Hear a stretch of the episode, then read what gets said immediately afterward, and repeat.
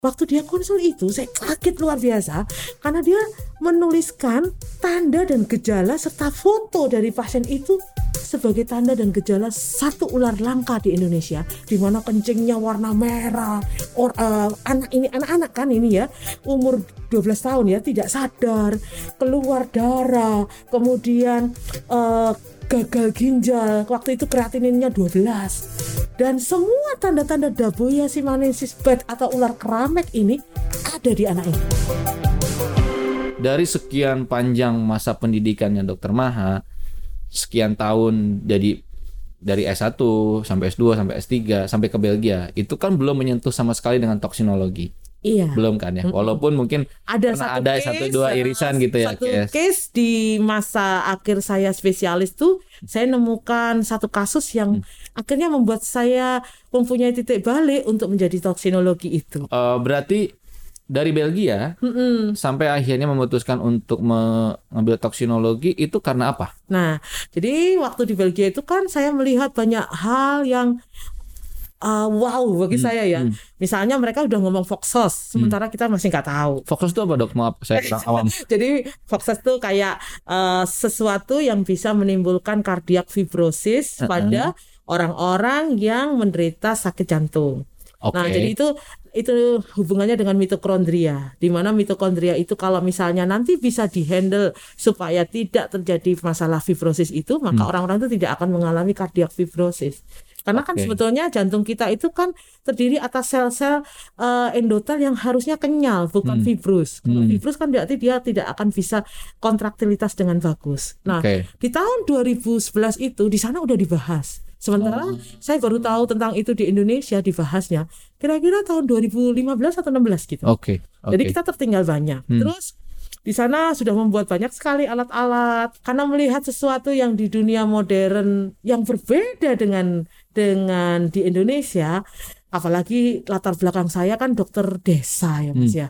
Jadi itu menjadi impian saya. Pulang dari Belgia itu saya dapat undangan untuk ikut seminar toksinologi pertama di Malaysia. Oke. Okay. Nah, saya datang ke sana. Nah, kebetulan yang menjadi seorang chairman-nya itu sahabat saya.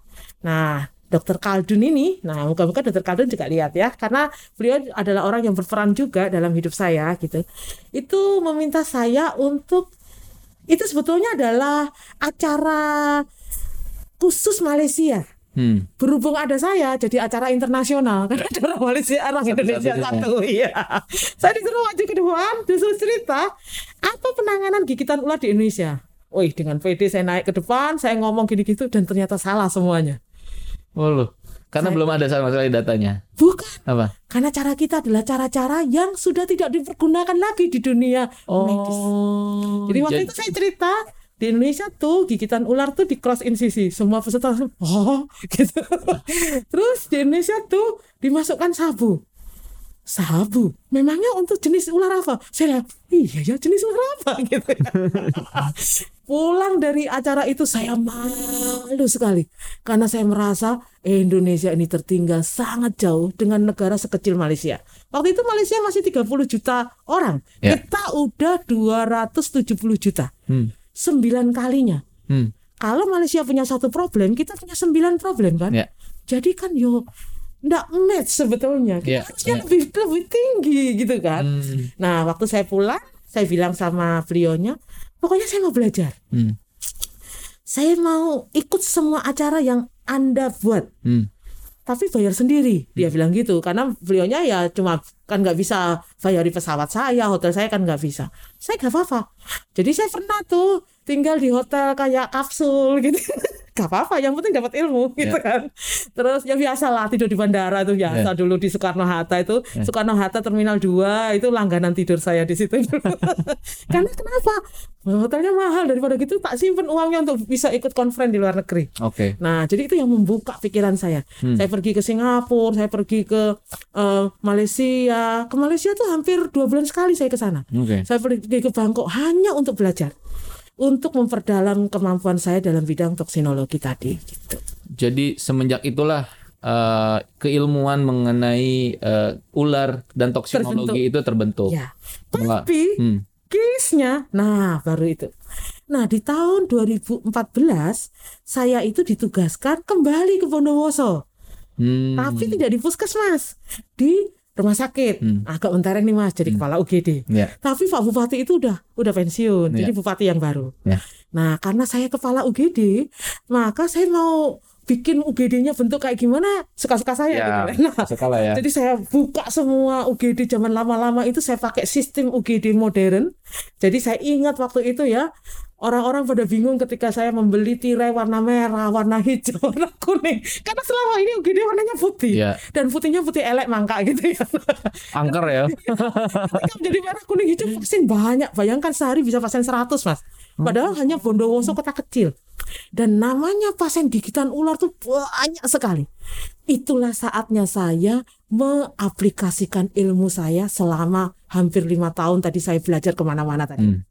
Jadi setiap ada pasien gigitan ular, saya bisa melakukan dengan bagus. Sampai saya itu suatu ketika kepentok dengan pasien gigitan ular hijau. Nah, saya tahu bahwa ular hijau itu tidak bisa pakai sabu biosafe buatan Bio Farma Indonesia. Tapi selama ini seluruh dokter di Indonesia, semua orang Indonesia ya pakainya itu. Karena mikirnya adalah kayak minuman itu, apa pun makanan One for all. Iya. iya. ya. Nah, ternyata tidak, kan harus sesuai spesies. Hmm. Nah, jadi hari itu saya ingat saya pakai gaji saya. Itu itu yang pertama kali bagaimana saya pakai uang saya untuk beli antivenom. Hmm. Untuk beli antivenom itu dari Thailand. Jadi saya telepon eh, profesor saya di pabrik itu di GSMI itu saya beli.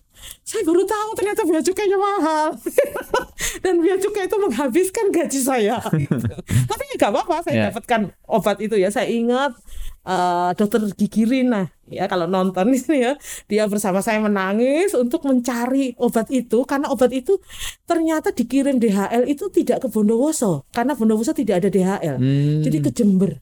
Waduh. Jadi Dokter Rina itu kalau nyopir mobil tuh balapan gitu. Hmm. Jadi dengan kita kan dikejar dengan nyawa orang itu Iya. kan. Jadi kita naik ke Bondowoso eh, ke dari Bondowoso Jember tuh yang harusnya kira-kira satu jam kita mungkin cuma 25 menitan begitu.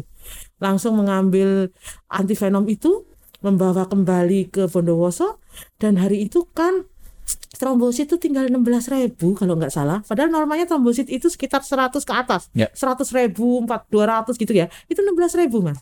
Jadi kayak orang tuh sudah saat-saat terakhir gitu. Ya. Udah keluar darah di semua hole dari badannya dia. Hmm. Jadi mulai dari mata, telinga, ini hidung, mulut, kemudian apa namanya dubur, ya, kemaluan keluar semua darahnya. Karena memang di IC, disseminated intravascular coagulopathy. Saya datang, saya ingat waktu itu untuk pertama kalinya di Indonesia ya itu dipakai ya. Jadi kita dokumentasikan, Oke. kita berikan antivenom itu dalam tiga jam. Semua perdarahan berhenti dan itu kan ada bekas gigitannya itu nutup semua mas. Jadi kita itu kayak melihat miracle gitu. Keajaibannya. Ya, sampai dokter jaga saya tuh bilang, ya ampun dokter. Perawat-perawat saya bilang, ya Tuhan kita melihat miracle. Dan besok paginya orangnya pulang. Waduh. Nah, sejak saat itu, nah ini yang kedua, komitmen yang kedua, saya pakai gaji saya untuk membeli antivenom itu. Waduh, Sampai itu sekarang. menarik sekali lagi. Ini sekali lagi pengalaman yang sungguh luar biasa. Iya. Um, Dan sejak itu saya tidak pernah kelaparan, mas, sampai sekarang. nah itu Meskipun prinsipnya. kalau mas tanya ke saya dompetnya dokter Maha ada uang berapa? Yang pasti lebih banyak dari saya dok. Dokter pasti lebih banyak dari saya. saya. Amin gitu. Tapi ini sekedar trivia buat pengetahuan teman-teman ya. Memang eh, ngomong-ngomong soal antivenom di Indonesia itu ternyata baru ada tiga ya sekarang ini. Satu antivenom Anti untuk snake venom. Iya. Bukan. Oh, satu antivenom buatan Indonesia, Ya. buatan Bio Farma, terbuat dari tiga spesies Oke. untuk lima spesies. oke. Gitu. Ya ini di antaranya spesiesnya ko- eh, spitting cobra, Ya, terus ular welang, Iya. banded crate, sama ular tanah nah itu terbuatnya. terbuatnya. Nah, terus dia diberikan, bisa diberikan untuk kobranya bisa naja sumatrana, Hmm. naja sputatik yang Jawa, jadi bisa untuk kobra Jawa, kobra Sumatera. Kemudian yang bungarus tadi, yang terbuat dari bungarus fasciatus itu bisa untuk bungarus fasciatus dan bungarus candidus. Oke. Meskipun untuk riset cross netralisasi bungarus candidus dan naja sumatrana itu belum ada. Oke. Dan yang terakhir untuk ular tanah. Jadi konteksnya teman-teman sobat sehat makanya tadi dokter Ma harus jauh-jauh ke Thailand Karena untuk tidak nyari ada ular hijau. itu. Ah, di Indonesia tidak ada ya produksinya. Hanya ada tadi itu ya, ular-ular yang tadi disebutkan oleh kita tadi. Iya. Jadi di luar ular itu kalau sobat sehat digigit di Indonesia itu artinya antivenomnya harus beli ke luar negeri dan mahal. Nanti kita akan bicarakan lebih lanjut itu. Iya. Yang jelas ada 370 eh 300-an lebih jenis ular di Indonesia nih, Dok. 370 berbisa dan tidak Berbisa berbisa, dan tidak berbisa. dan yang berbisa 77 mas Ada 77 ular berbisa di Indonesia. Itu yang ada di wilayah Indonesia. Belum lagi kalau ada orang tiba-tiba bawa ular dari luar negeri terus dipelihara itu beda lagi ceritanya. Nih, Ular itu namanya ular ular endemik kan. jualan ular rattlesnake Iya. ya saya pernah datang ke Iya. yang menjual itu Rattlesnake kan bukan habitatnya di sini kan. Itu di di sana di Amerika. Ada yang bawa ke sini, Dok? dijual tuh Ah. di situ dan itu yang membuat saya sedih gitu. Dok, tadi kita udah ngomong banyak soal perjalanan hidup Dokter Maha dan itu inspiring sekali. Jadi kalau boleh saya sedikit summary gitu ya, ini dari mulai dokter mengabdi di pegunungan di Bondowoso, di Jombang tadi eh, itu akhirnya membawa ke titik di mana dokter jadi sosok yang sekarang. Itu tidak terlepas dari pengalaman dokter waktu kecil, eh, dididik oleh orang tua yang penuh kasih sayang, berhubungan dengan hewan, lalu hi- mengabdi dan sampai sekarang. Jadi menurut saya itu sebuah kalau saya berusaha untuk mengaitkan satu sama lain dan akhirnya muncul keberuntungan-keberuntungan, keajaiban-keajaiban dalam hidup yang akhirnya juga menarik gitu. Eh, Oke, kita saya mau penasaran ini untuk mengklarifikasi beberapa hal yang saya temukan saat riset gitu ya. Dokter banyak diberitakan mengenai soal kasus anak Martinus Oh yang, iya, di yang di Lembata. Lembata. Itu kan viral sekali kisah itu kan. gitu. kalau nggak salah tuh wartawan antara itu bilang trending topik satu minggu Nah, Iya. itu.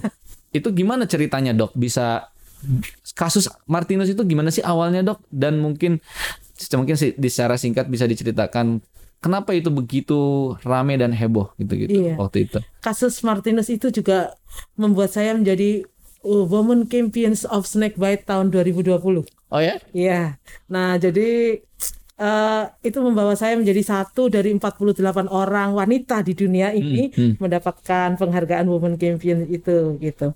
Eh, hari itu sebetulnya saya itu datang ke Jakarta itu mau jadi relawan. Hmm. Jadi ada tanah longsor di Bogor. Terus saya datang. Udah tidur di tem- rumahnya teman saya di Bogor, nunggu helikopter mau bawa saya untuk jadi relawan di tanah longsor itu. Hmm. Tiba-tiba mungkin teman-teman din- Dinas Kesehatan Kota Bogor ingat ya hari itu Kabupaten Bogor ya. Hmm. Nah, salah satu eh, teman dari Dinkes itu bilang pesawatnya itu dipakai untuk eh, salah satu pejabat kita meninjau daerah itu. Jadi Dokter Maha gak bisa ikut gitu.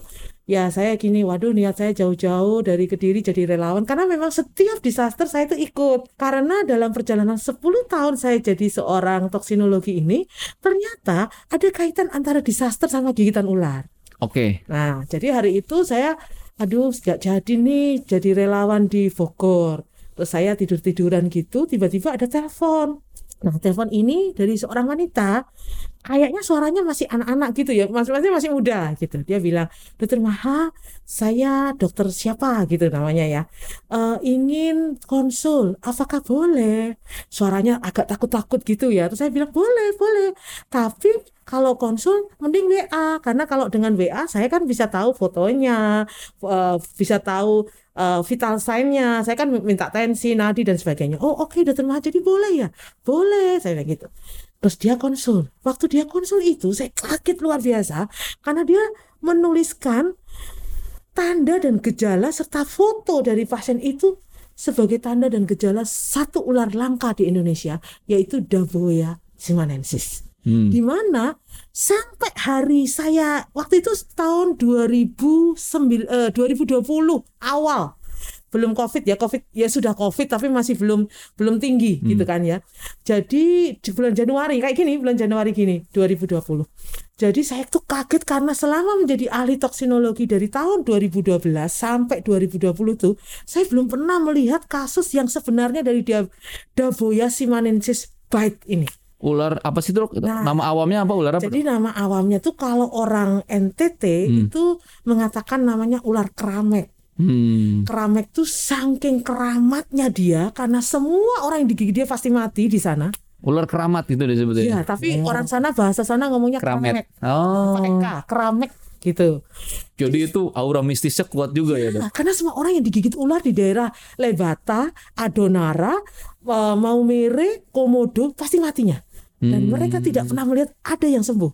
Makanya waktu itu anak ini sudah diprediksi pasti mati. Hmm. Tapi karena dokter ini ternyata punya kisah dengan saya, Hmm. jadi ternyata dokter ini itu pernah jadi isif kan sekarang lulusan kedokteran tuh nggak PTT lagi mas Ya. kayak cerita saya tadi, tapi dia isif satu tahun di Gresik. Hmm. Dan bosnya dia, kepala UGD-nya dia itu adalah murid saya. Oke. Nah, dokter yang menjadi kepala UGD itu betul-betul ngefans banget sama saya. Jadi kalau saya pergi ke Bangkok dia ya ikut. Pokoknya orang ini senang sekali toksinologi. Ya.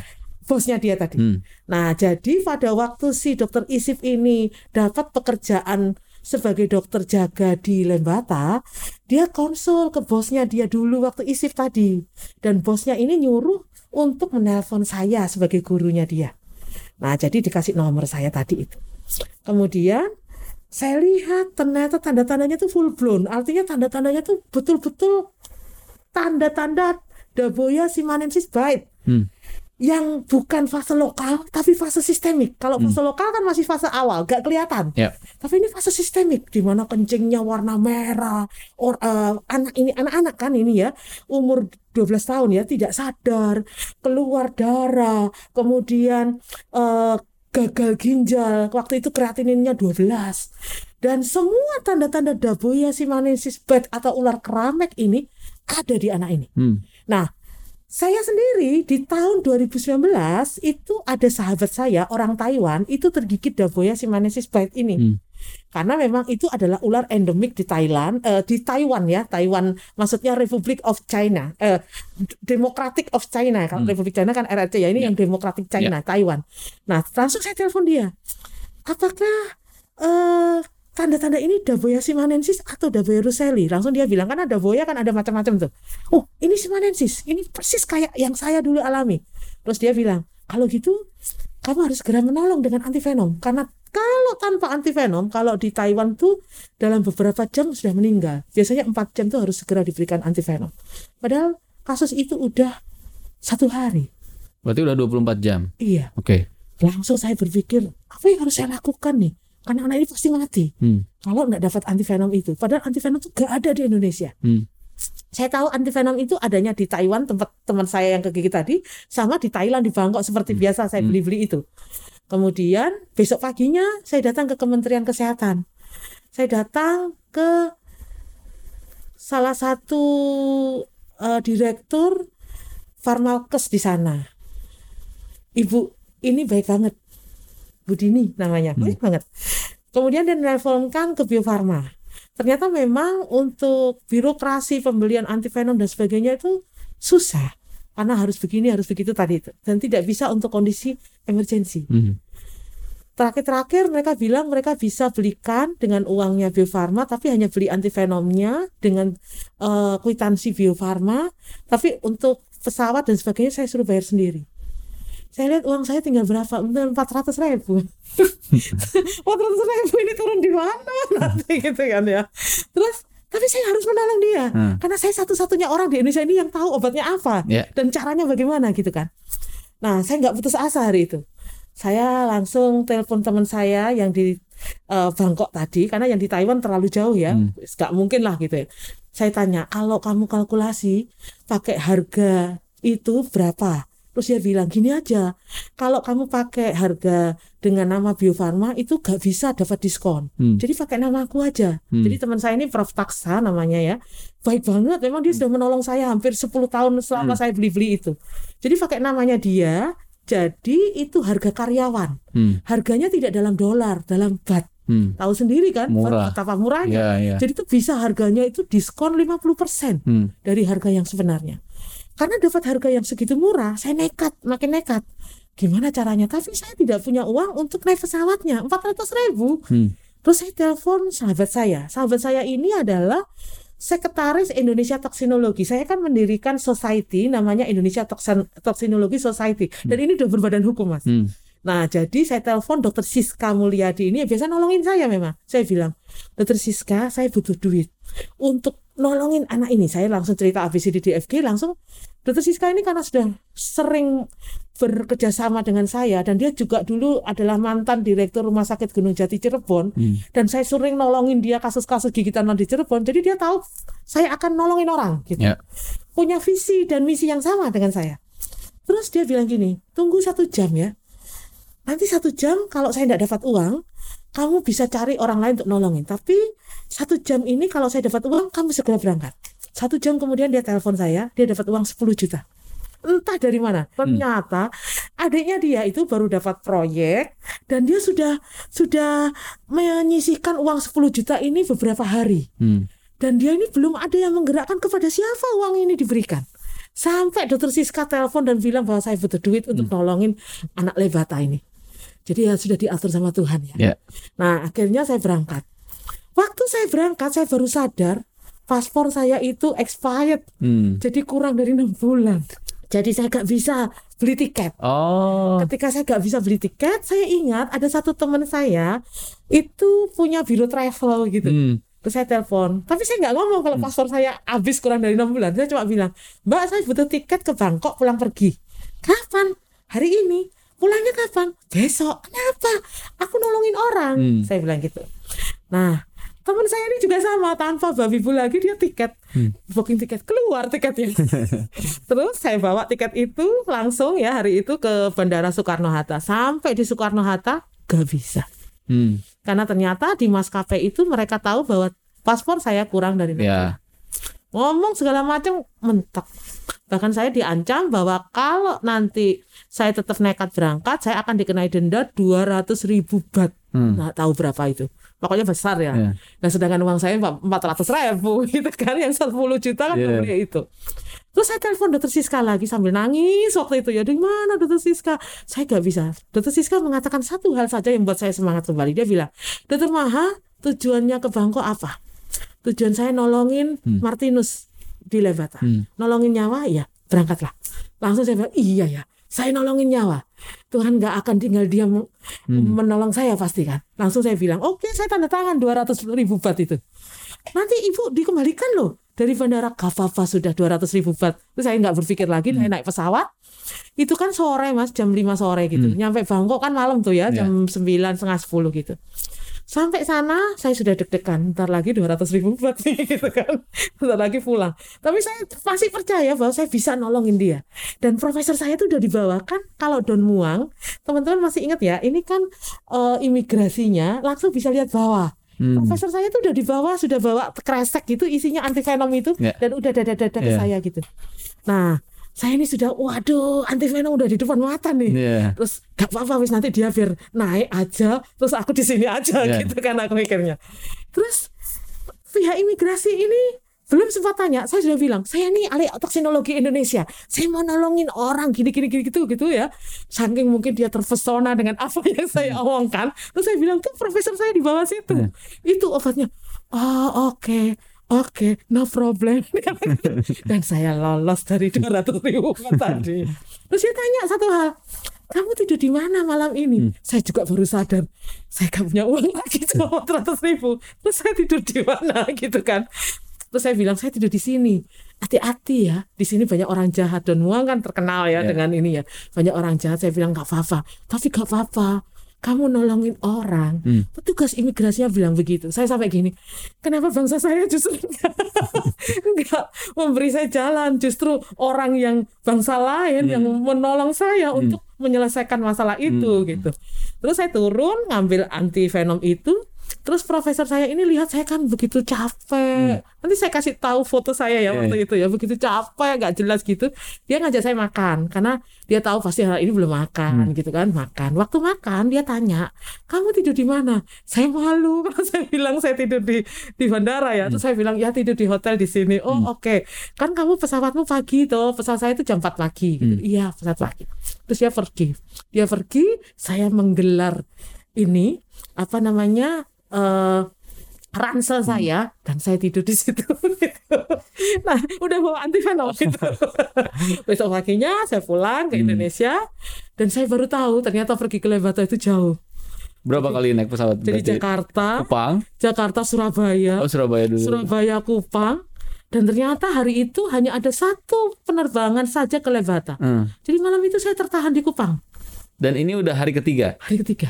Dari kejadian ya. Iya, dan Oke. baru besok paginya, oh anaknya udah gak sadar, Ya. darah, katanya keluarganya udah kumpul karena pasti meninggal gitu kan. Ya. Nah besok paginya saya berangkat jam 12, saya gak mau ke hotel, saya langsung kasihkan ke anak itu, Hmm. terus saya tungguin dia sampai jam 12 malam, terus jam 12 malam ternyata dicek kreatinnya udah turun. Hmm. Ginjalnya udah udah rusak lah ya intinya. Iya, padahal udah 12 kan. Hmm. Itu udah turun jadi 7. Wih, saya langsung punya semangat. Dokter-dokter yang nemani saya kan mereka nemani saya ya, nunggu saya di bandara dan sebagainya. Semangat mereka. Anaknya mulai sadar. Darah di NGT berhenti. Hematurinya yang kencingnya berdarah itu sudah warnanya sudah berubah Hmm. dari darah beneran menjadi coklat. Terus eh, anak ini sudah bisa minta sesuatu, sudah bisa ngomong dan sebagainya. Kami semangat sekali. Terus besok paginya kami masukkan dosis yang kedua 4 vial kan setiap masuk 4 vial tuh ya. Kami masukkan 4 vial lagi. Ternyata di hari ketiga udah 0,5 Hmm. anaknya 456 dan anaknya ulang tahun sempat kami belikan kue ulang tahun Hmm. terus anaknya minta salah satu minuman kesukaannya dia Hmm. saya sempat belikan dan hari keempat anak itu sudah bisa pindah dari ICU ke Waduh. kamar. Sebuah miracle yang betul-betul membuat saya tidak pernah menyesal Ya. untuk empat hari itu sampai seperti itu. Jadi di sini miracle-nya nggak cuma dari sekedar cara dokter mendapatkan antivenomnya ya, tapi juga soal bagaimana si anak bisa bertahan tiga kali dua. Padahal prediksinya 4 jam biasanya lewat gitu ya dok. Berarti di situ juga memang belum kalau memang belum takdirnya belum dikasih gitu ya. Oke. Jadi dokter-dokter di situ memang pada waktu saya bilang saya pergi ke Bangkok untuk membeli ini, tolong doakan mereka berdoa semuanya. ya. Keluarganya juga kumpul semua berdoa. Saya Ya. masih ingat tuh karena ini keluarga miskin ya Mas Ya. ya. Mereka itu ucapkan terima kasih itu dengan memberikan saya kelapa muda satu karung. Karena itu barang yang paling berharga Iya, keluarga iya menarik, menarik, menarik. Oke, jadi wow, saya hampir meneteskan air mata. Tapi ya ini menarik sekali dok. Berarti memang kalau ada orang bilang kan ya, angka ang- apa kematian itu bagi sebagian orang hanya statistik. Kalau buat dokter Umaha, walaupun hanya satu orang dan anak dan itu nun, Harus kita nun, nun jauh di pelosok sana, di tengah suasana hati yang moodnya sedang rusak gara-gara nggak jadi ke Bogor gitu, nggak jadi Iya. Eh, itu tetap harus diselamatkan dengan semua hambatan soal paspor dan uang dan segala macam. Oke, menarik. Ada kisah lain nggak yang kira-kira saya pernah baca dokter juga pernah menolong ibu hamil Iya. yang digigit ular. Iya. Lalu ada kisah yang tadi yang PLN itu yang Iya, dulu karena iya. sebelum itu. Jadi sebetulnya kisahnya banyak banget. Hmm, semua kisah yang sistemik Hmm. itu kayaknya semuanya berbau miracle bos. itu ya. sebagai keterbatasan sebagai dokter kita punya keterbatasan antivenom tidak ada. Hmm, Kemudian kita harus jadi setiap ada kasus tuh saya harus melakukan edukasi kepada dokter, hmm, perawat, keluarga, Keluarga. gitu kan ya. betul. Kemudian harus mencari antivenomnya yang Betul. saya tahu mereka tidak tahu cara saya mencari begitu kan Ya. ya. Nah, jadi eh, cerita yang lainnya itu ada yang ibu hamil itu Hmm, itu orang Madura. hmm, Jadi sepulang saya dari Levata ini lanjut nih kisahnya ya. hmm, Sepulang saya dari Levata, saya masih di Kupang hari itu. Saya ditelepon oleh salah satu dokter senior anestesi dari Rumah Sakit Dr. Stomo Surabaya. Dokter ini, Dokter April namanya ya, memang sudah kenal saya lama. Dan biasanya kalau beliau mentraining girls untuk kasus gigitan ular, saya yang disuruh mentraining. Oke. Nah hari itu dia telepon, Dokter Maha, saya ini punya kasus nih, jelek.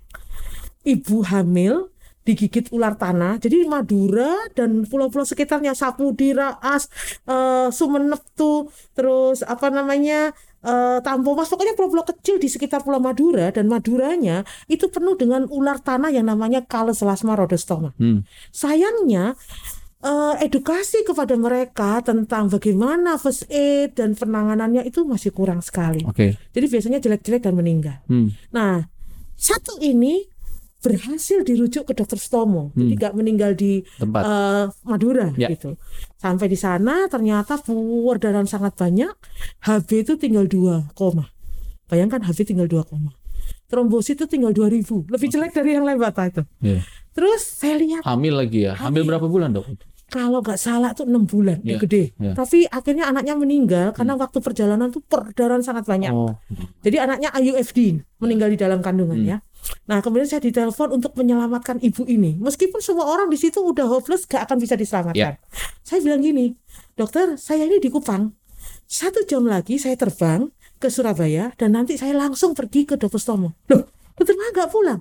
Gak, nyawa ini lebih penting daripada kepulangan saya. Hmm. Jadi saya langsung dari dokter Stomo tuh saya naik taksi, eh dari Bandara Juanda naik taksi ke dokter Stomo dan langsung ke ICU. Saya lihat seorang ibu penuh dengan ekimosis ya darahnya banyak di pempesnya itu nah kemudian hematuri dan semua dokter udah ngelilingi dia begitu ya nafasnya sudah kurang oke satu-satu dan sudah pakai ini intubasi karena eh, tidak oke untuk eh, RV dan breathingnya gitu terus saya bilang dokter kalau kasus kaloselas marodostoma kita tuh masih punya kesempatan karena antivenomnya ada Ada di Indonesia. di Indonesia. Masalahnya ternyata di dokter Stomo tidak ada. Waduh. Cuma ada 8 vial. Hmm. Gak nutut kalau 8 vial. Hmm. Jadi langsung hari itu saya nelpon ke tadi yang saya cerita Bu Dini tadi Hmm. bersama dengan eh, Dirjen Farmalkes Bu Engko. Hmm. Waktu itu Bu Engko itu juga baik hati sekali. Saya bilang saya minta 22 vial, minta. Hmm. Nggak beli, minta gitu untuk menyelamatkan nyawa ini. Bu Engko ini juga baik hati banget terus dia telepon ke Bio Farma. Lah Bio Farma kan baru aja tahu pekerjaan saya yang Levata itu ya. Kemudian dia oke karena itu memproduksinya dia 22 vial dan langsung datang ke Dr. Stomo distributornya ngasih 22 vial itu. Kita masukkan dalam jangka waktu dua hari. Jadi sehari itu 8 vial kan 2 jam, 6 jam, 2 jam, 6 jam kan Jadi setiap 6 jam itu 2 vial. Kemudian selama satu hari kan 24 jam tuh, berarti kan 4 kali, berarti 8 vial satu harinya kan. Nah 22 vial itu habis dalam tiga harian begitu. Darah tuh sudah berhenti stop. Kemudian eh, trombosit naik dari yang cuma 2000 tadi Hmm. menjadi 10.000, 80.000 sampai 100.000 lebih. Ya. Terus HB juga gitu. HB naik dari 5, 5 jadi 7, 7, 9, 12 dan ibu itu akhirnya terselamatkan gitu. Waduh. Oke. Jadi pulang dari sana dapat dua nyawa terselamatkan gitu. Wow. ya. Saya nggak tahu udah nyelamatin berapa nyawa kayaknya saya nggak tahu. Tapi em, itu saya nggak bisa mengekspresikan kekaguman saya dok. Itu menurut saya sebuah aksi yang luar biasa dan terima kasih sekali lagi sudah Sama-sama. melakukan itu Sebetulnya semua. gini mas, saya, satu hari saya pernah ketemu dengan dokter spesialis anestesi di Rumah Sakit Muhammadiyah Jogja. Hmm. Dokter itu selama ini menjadi guru saya, namanya Dokter Joko ya. Dia bilang, kalau kita menyelamatkan satu nyawa saja, itu sebetulnya sudah sama dengan menyelamatkan jutaan nyawa. Hmm. Jadi sejak itu satu nyawa aja saya perjuangkan. Karena menurut saya satu nyawa itu saya tidak pernah tahu tahu impactnya terhadap terhadap masyarakat dan segala macam. Mudah-mudahan orang-orang yang pernah diselamatkan semua menonton dan bisa mensyukuri hari ini dan menikmati momen ini kan. Buat Martinus, mudah-mudahan nanti nonton dan ibu hamil yang tadi masih ingat namanya dok? Bu siapa? Lupa. Bu ibu yang tadi di- dia sempat ditolong karena saking banyaknya. Jadi mudah-mudahan bisa nonton dan teman-teman. Oke dok, ini pertanyaan ringan aja. Kira-kira udah habis berapa buat nolongin orang dok? Secara pribadi?